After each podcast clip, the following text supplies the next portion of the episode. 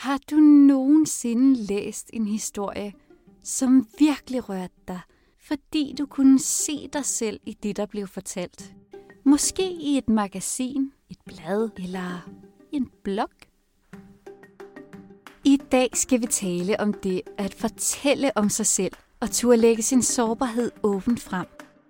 Ligesom Torben Kod, som du hørte i sidste uge, kæmper de to unge kvinder, som du skal møde i dag, for at mennesker med synshandicap bliver set som ligeværdige mennesker, ligesom alle andre. For selvom Torben og de to kvinder gør det meget forskelligt, kæmper de alle for at nedbryde fordomme og skabe et værdigt liv for os med et synshandicap. Mit navn er Sofie Mongård. Velkommen til Øjenkrogen.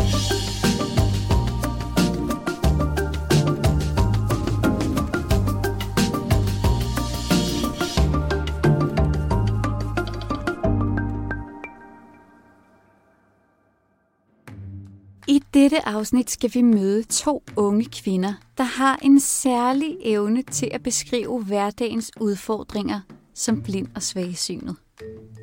Den ene er Anna, der har bloggen med mine øjne. Jamen, øh, jeg hedder Anna, jeg er 19 år gammel, øh, bor i Aalborg. Den anden hedder Katrine.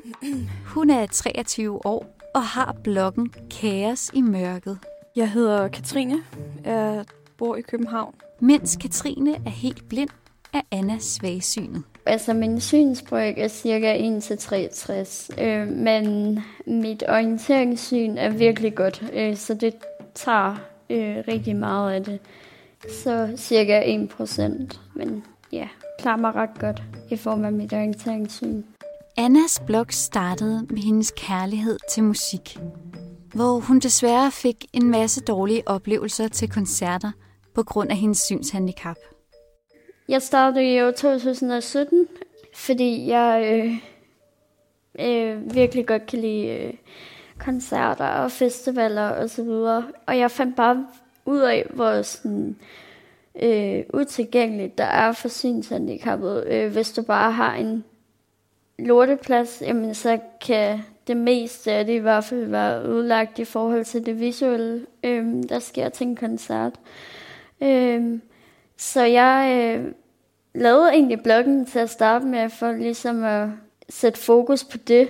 Øh, men så kom jeg ind i en periode, hvor det ikke rigtig var muligt at komme til festivaler og koncerter og sådan noget. Og så tror jeg faktisk, at mit første øh, opslag, hvis ikke jeg tager helt fejl, øh, for 2017 var et lidt øh, frustrerende opslag, øh, fordi jeg følte... Øh, øh, hvad skal man sige, jeg har meget modgang øh, i folkeskolen i forhold til hjælpemidler og så videre. Øh, så jeg tror egentlig, at mit første opslag var et øh, surt opsted øh, af den grund. Og så tænkte jeg egentlig, fuck festivaler, og så lad det blive til, hvad jeg oplever øh, set fra mine øjne.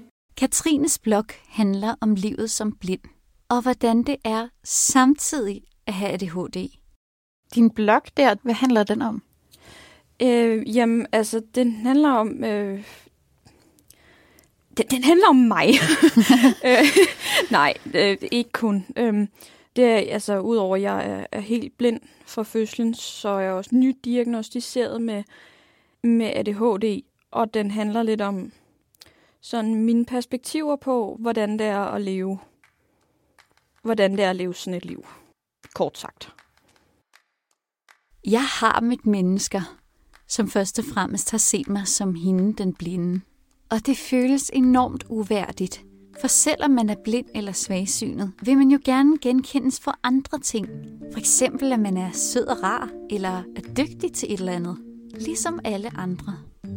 Og måske er det især her, at bloggene kan være med til at skabe forståelse og åbenhed. For både Anna og Katrine deler deres oplevelser på Instagram og Facebook, hvor der er mange læsere.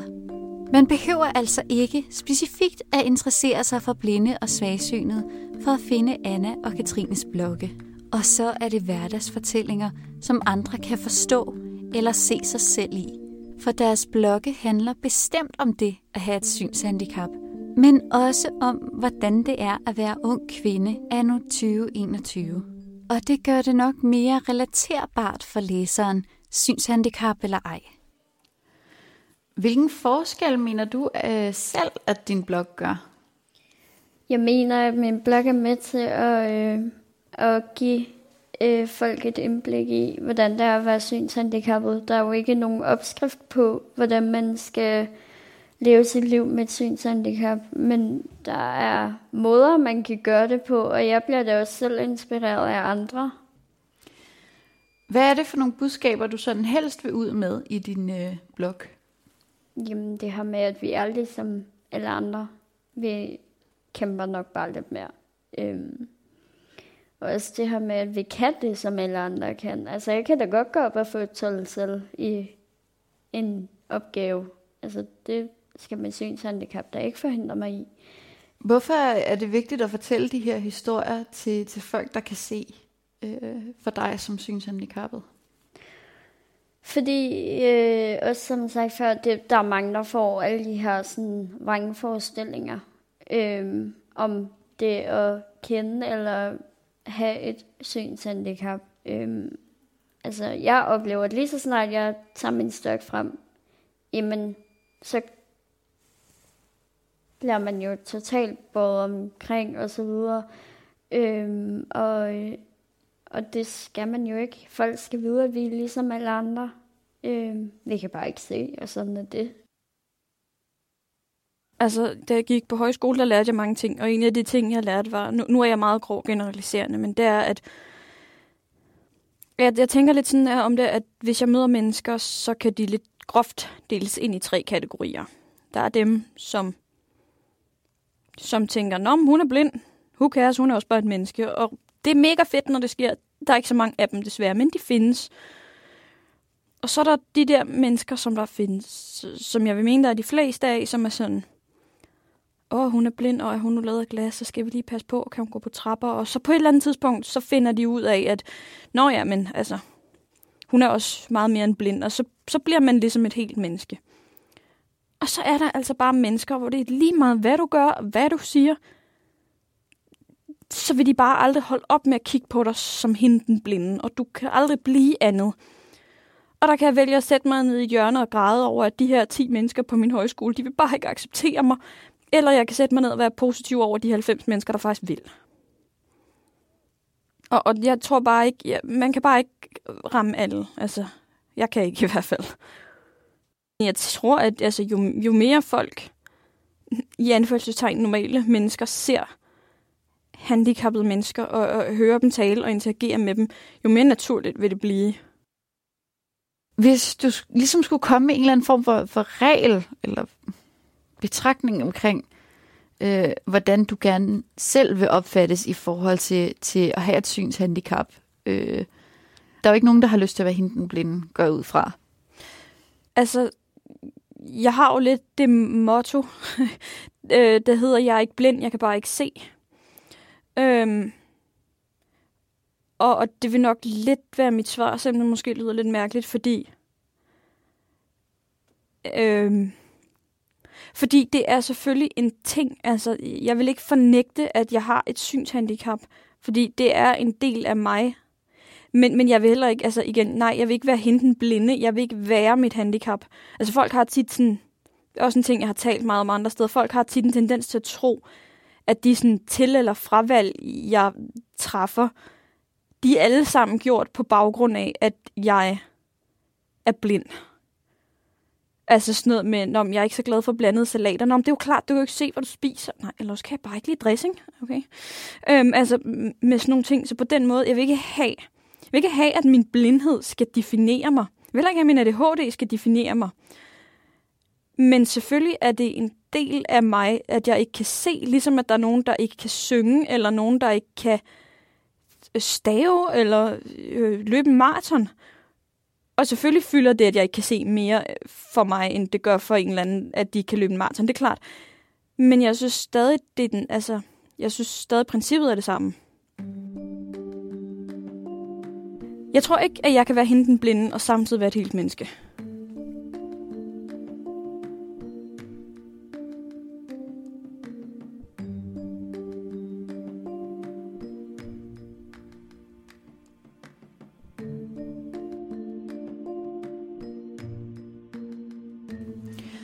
Var der nogen, der tog negativt imod de her blogopslag? Øh, ja, altså det, det er der jo stadig. Øh, der er jo nogen, der mener, altså de har jo deres helt egen øh, holdninger. Øh, og jeg synes jo, nogle af de ting, jeg gør, er dybt forkert. men det kan jeg jo ikke... Øh, men det er ikke øh, sådan, at jeg får hate for det, eller får hadbeskeder, eller, eller noget. Der er bare dem, der ikke er enige, og sådan er det jo. Er det så mennesker, som øh, er fuldseende, eller er det mennesker i synshandicapverdenen? Øh, det er faktisk lidt en blanding.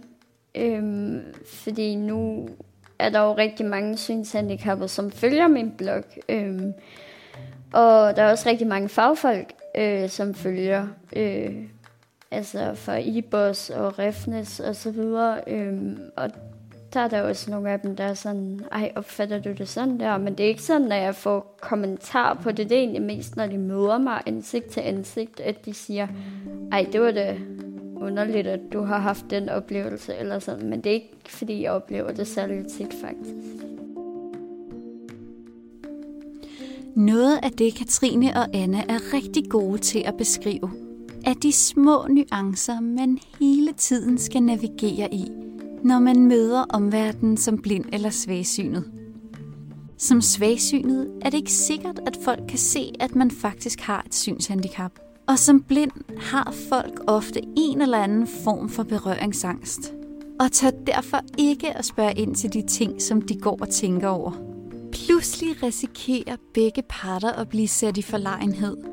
Og så skal man som synshandicappet påtage sig ansvaret for at få reddet situationen. Og det er bare enormt udtrættende. For eksempel når man skal møde nye mennesker på arbejdet eller studiet. Altså det, man kan sige om mig og mit synshandicap, det er, at mine øjne er som udgangspunkt lukket, og hvis de er åbne, så er det ikke noget, jeg selv har kontrol over. Så folk, de tror, altså de fleste er med på, at jeg er blind, og ellers så tror de, jeg sover. Øhm, og, og så er jeg jo stok med, så der er ikke så meget, altså der er ikke den der med, oh by the way, der er noget med mine øjne. Øhm, men hvis jeg kommer på et studie, så tror jeg tit, jeg laver den der, hvor jeg lige får sagt, øh, bare så vi lige alle sammen er med på det, så øh, jeg sidder her, og, og når jeg sidder her med lukkede øjne, så er det ikke fordi, jeg er faldet i søvn. Det er bare fordi, jeg ikke kan se. Øhm, og, og derfor så kan jeg altså godt høre, tale, tænke og bevæge mig, fordi ja, folk de har en eller anden tendens til at tro, at når jeg er blind, så kan jeg selvfølgelig ikke gå på trapper, og jeg er selvfølgelig også småt begavet osv. Øhm, og så kommer jeg med en eller anden floskel med, at derudover så er jeg jo ligesom jer, og vil gerne det her studie, og og det er ikke et tabu, I skal bare spørge mig, hvis der er noget, I gerne vil vide. Altså, det tror jeg er den, jeg sådan fyrer af, når det er sådan noget med studiet. Hvilke reaktioner får du så på det? Ja, så griner folk lidt. Altså, ikke fordi jeg er den store stand-up-komiker, men fordi at... Det ved jeg ikke, altså... Fordi et eller andet skal de gøre. Og så er det egentlig... Selvfølgelig vil der altid være nogle mennesker, som for hvem jeg bare altid vil være hende den blinde, og der tror jeg lidt, jeg er nået til det punkt, der hedder, det er sådan, det er. Men, men de fleste sådan, tager det egentlig ret positivt, og så kommer de over og spørger om et eller andet, og så svarer jeg, og, og så finder de ud af, at okay, det er egentlig ikke farligt at tale med hende, og så bliver samtalen tvistet over på noget, der ikke handler om, at jeg er blind, og så finder de ud af, okay, hun kan sgu faktisk også godt tale om normale ting. Oplever du sådan noget med berøringsangst, at folk de gerne vil spørge dig, fordi du måske ikke lige har fået forklaret, hvor dårligt du ser, at folk de, sådan, de kan godt se, der er noget, måske øh, der ikke er som, som hos alle ja. andre, og så tør de ikke rigtig spørge. Ja, og jeg er jo heller ikke skide god til at sige det jo, så det ender som sådan en akavet øh, ting, fordi så, altså jeg kan jo godt se, når folk de kigger på mig, så det bliver jo sådan noget, øh, sådan stigerkonkurrence nærmest, øh, og jeg kan jo ikke få en kontakt med dem, så det bliver bare akavet. Øh, og jeg er typen, så, jamen, så tager jeg bare høretelefoner i. altså hvis det er toget for eksempel, ikke, så jamen, nå, okay, fair nok. Det kommer jeg ikke videre med. Øhm, jo, der var på et tidspunkt et tog, hvor jeg så sidder, øhm, og jeg øh, skulle have min kuffert ind, og den var rigtig stor og tung, og jeg vidste godt, den skulle ind på en, øh, på et led, men skal jo ligesom have den ned på det led, så jeg kan få den ind. Øhm, og det bakser jeg rigtig meget med. Der var sikkert en meget hurtigere måde at gøre det på, men den havde jeg ikke lige øh, opfanget. Og der sagde en, hun er sådan lidt, hallo, du skal gøre sådan her, eller sådan mm. et eller andet. Hvor jeg sådan, ja, det, øhm, det ved jeg godt. Øhm, og så, så tænkte jeg, nej, sådan kan hun da ikke være som menneske. Så jeg sætter sådan, altså hun var virkelig sur. Så jeg sætter mig, og jeg skulle desværre sidde over for hende. Så jeg sætter mig, og så tænker jeg, nej, nu skal jeg lige se, hvordan hun reagerer, når jeg sådan lidt tager min stok frem med vilje. Øhm, så jeg lavede som om, jeg leder efter noget i min taske, og i den fart får taget min stok op, og så leder videre. Mm. Og hun sidder, og jeg tror virkelig, hun tror, at jeg ikke kan se hende. Hun sidder med åben mund og på løber, og sådan, ej, og så siger hun sådan lidt efter, ej, ej, du må jo sige til, hvis jeg skal hjælpe med noget. Ej, det, det er helt fint. det behøver du ikke. Du var mega sur lige før. Øhm, så altså, jo, der er det helt sikkert øh, berøringsangst. Hmm. Da berøringsangsten for omverdenen kan gøre det sværere at bede om hjælp, så betyder det samtidig, at man let risikerer at føle sig som en byrde. Og så kommer man hurtigt på overarbejde, fordi man hele tiden tror, at man skal yde en særlig indsats. Katrine beskriver, hvordan det netop kan blive en ond spiral, som man skal passe på ikke at blive fanget i.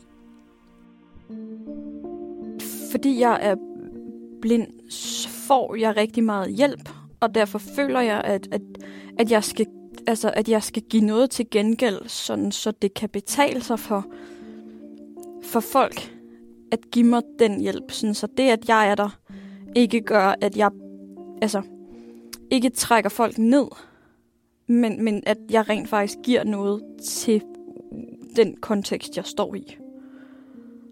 Øhm, nu læser jeg jo pædagogik, øh, og, og deri har jeg læst, at det er faktisk ret normalt for stigmatiserede personer at tænke sådan.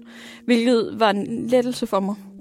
Fordi jeg synes, det er, altså, jeg synes, det er hårdt at føle, at jeg er nødt til at give noget til gengæld. At jeg, bare som mig, ikke er tilstrækkeligt. Og at, at det lyder som om, at, at jeg bare har at, at jeg bare har øh, verdens laveste selvværd, og, og ikke føler, at jeg kan noget som helst. Altså, det er ikke sådan. Det er ikke sådan, at jeg ligger søvnløs hver nat og tænker, åh, hvad kan jeg give, for ikke at være en stor, stor byrde.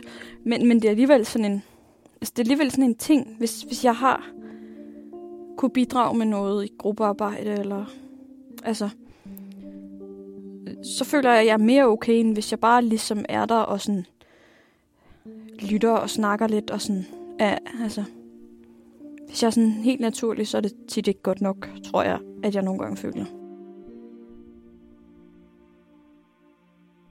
Jeg hjælper jo ikke nogen ved at sidde og føle, at jeg skal overkompensere. Det er der jo ikke nogen, altså, det er der ikke nogen, der kan bruge til noget. Øh, og jeg kan heller ikke selv, fordi det tager bare min energi. Og jo mere jeg tænker over, at jeg skal overkompensere, jo mindre energi har jeg faktisk til at overkompensere. Og, og være med og være på. Og det er også blevet bedre. Altså, øh, man kan sige, at jeg er mere jeg er mere afslappet nu, og i og med, at jeg er mere afslappet, har jeg selvfølgelig også mere faktisk energi til at give noget godt til fællesskabet. Men jeg arbejder på ikke at tænke så meget over det, fordi igen, det gør ikke noget godt.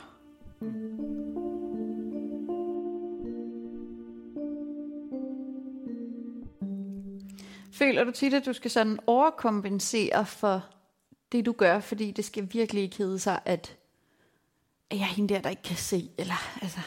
Ja, helt klart. Jeg er jo meget diskret. Øhm, og det vil så sige, at jeg er meget på overarbejde hele tiden. Fordi jeg skal jo hele tiden være et skridt foran alle andre. Forstå på den måde, at når jeg for eksempel kommer, altså i går for eksempel havde vi øh, noget familie på besøg, øhm, og jamen, jeg vil da ikke, altså, jeg vil da ikke spørge efter noget, som sikkert står lige foran mig. Selvom på trods af, at det er min familie. Øhm, så det var først, da der var en, der ligesom tog det, jeg gerne ville have, og så kunne jeg sige, må jeg få den efter dig, fordi så ville det ikke virke underligt, at jeg sådan, hvor er det henne? som jeg nu skal bruge. Øhm, og det er da mega nederen, på trods af, at det er min familie. men, men jeg tror virkelig bare, det er det der med, at man, man vil virke hindret af sit synshandicap. Og det kan jo så føre ud i altså, de problematikker som det. Hvad tror du, der vil ske, hvis du faktisk spurgte din familie, sådan, må jeg godt lige bede om mælken? Ingenting, fordi det ville da bare række mig den. Altså, men det, ja, altså det er jo også, øh, det er jo, når man sådan virkelig får sig taget sig sammen til at sige, okay, nu spørger jeg vedkommende om det ene eller det andet. Og det er så bare sådan, øh, ja ja, den er lige her. Og så sidder man der, okay, nu har jeg brugt 10 minutter på, og åh, ja, men, men altså jeg tror, det er en tilvændingssag. Jeg blevet meget bedre til det, men jeg er langt fra i mål. Hvorfor tror du ikke, at du spørger? Jamen, fordi jeg jo ikke vil... Altså, jeg vil jo ikke vise, at det kan jeg da ikke finde ud af, eller du ved. Hvis det var, jamen det ved jeg ikke, en skålsalat, og den sikkert står lige foran mig, men der er et eller andet, der står foran den skålsalat, som ligesom skygger for det, som gør, at jeg ikke kan se den. Jamen, altså, jeg tror også, jeg er bange for, hvad jeg vil blive dømt på. Altså, okay, er hun dum, hende der? Og salaten står lige der. Altså, det vil min familie jo ikke tænke. Men jeg tror, i og med, at man ligesom gør det ude i den store verden, jamen, så er det også bare blevet også gøre det derhjemme, hvilket er mega irriterende. Men jeg tror ikke, man kan gøre så meget andet, end at øve sig på ikke at gøre det. Det er ret vildt, at du sådan sidder og behovsudsætter. Sådan, jeg vildt godt tænke mig den der salat, men ej, ved du hvad, det er faktisk nemmere at undvære. ja, men det, og det er faktisk, øhm, og det er virkelig irriterende, fordi det sætter virkelig mange begrænsninger i livet, og, og det skal det bare ikke, men igen, det er en tilvændingssag.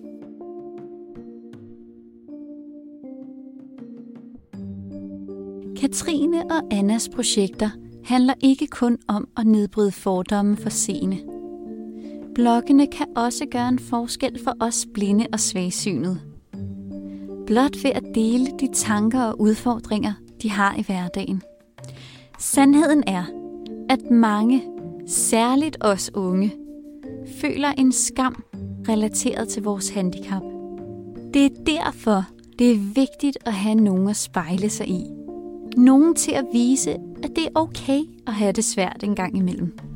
På den måde skaber man et fællesskab, hvor man netop styrker hinanden ved at åbne op for det, der kan føles som ens største svaghed.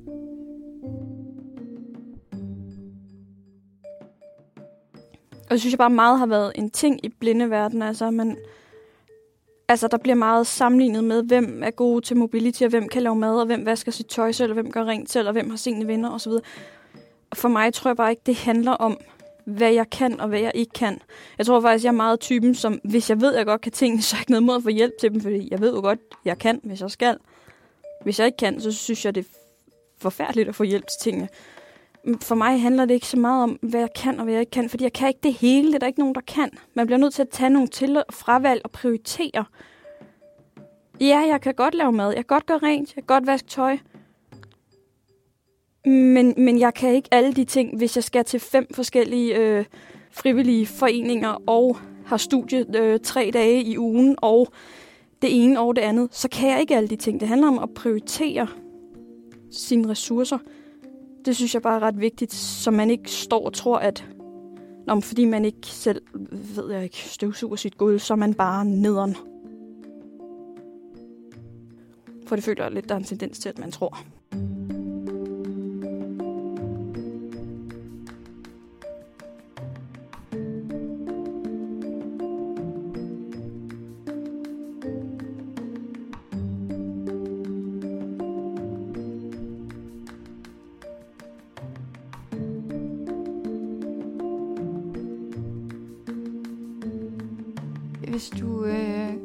Opsummere sådan, hvad er det, du synes, du har fået ud af at lave den her blog? Det, jeg har fået ud af at lave min blog, er at, øh, at nå ud til folk. Altså nå ud til forældre, som måske sidder og har lige fået at vide, at deres barn er synshandicappet og tænker, at verden er ved at gå under.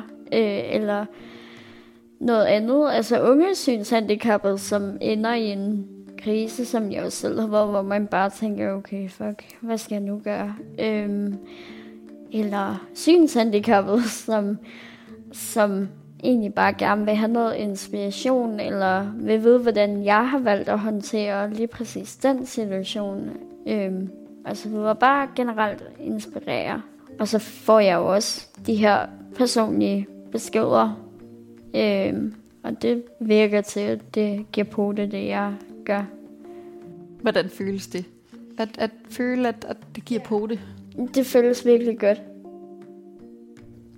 Det, det er virkelig rart. Øhm, der er også mange, som ligesom siger, ej, wow, gør du det på den måde? Eller sådan, jeg har gjort sådan her, eller sådan, så det bliver en form for sparings, øh, eller sådan, jeg får egentlig også råd og vejledning og skub i den rigtige retning ved at, at de også læser det, øh, fordi de er jo unge ligesom mig og står i samme situation, mange af dem.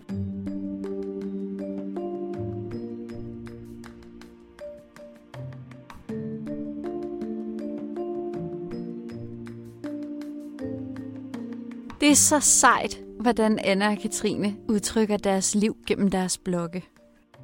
Det er ikke let at åbne op over for de ting, man synes er svære, men de gør en stor forskel for mange mennesker.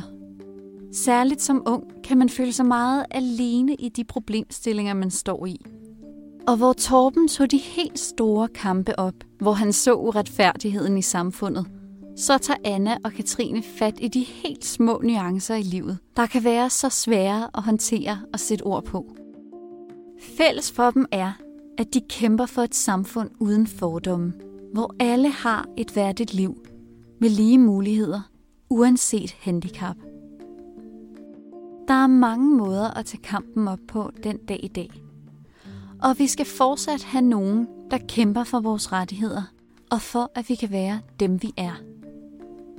Der er heldigvis mange folk, der gør en forskel derude. Nu har vi hørt fra tre af dem, og jeg håber, at det fik sat noget i gang for dig, kære lytter. Måske er det dig, der er den næste blinde kriger.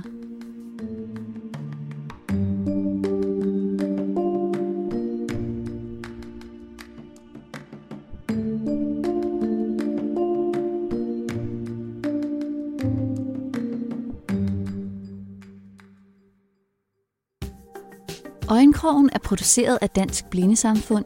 Jeg hedder Sofie Mungård, og redaktøren hedder Mikkel Løfgren Rod. Husk at abonnere på Øjenkrogen i din foretrukne podcast-app, og følg vores Facebook-side.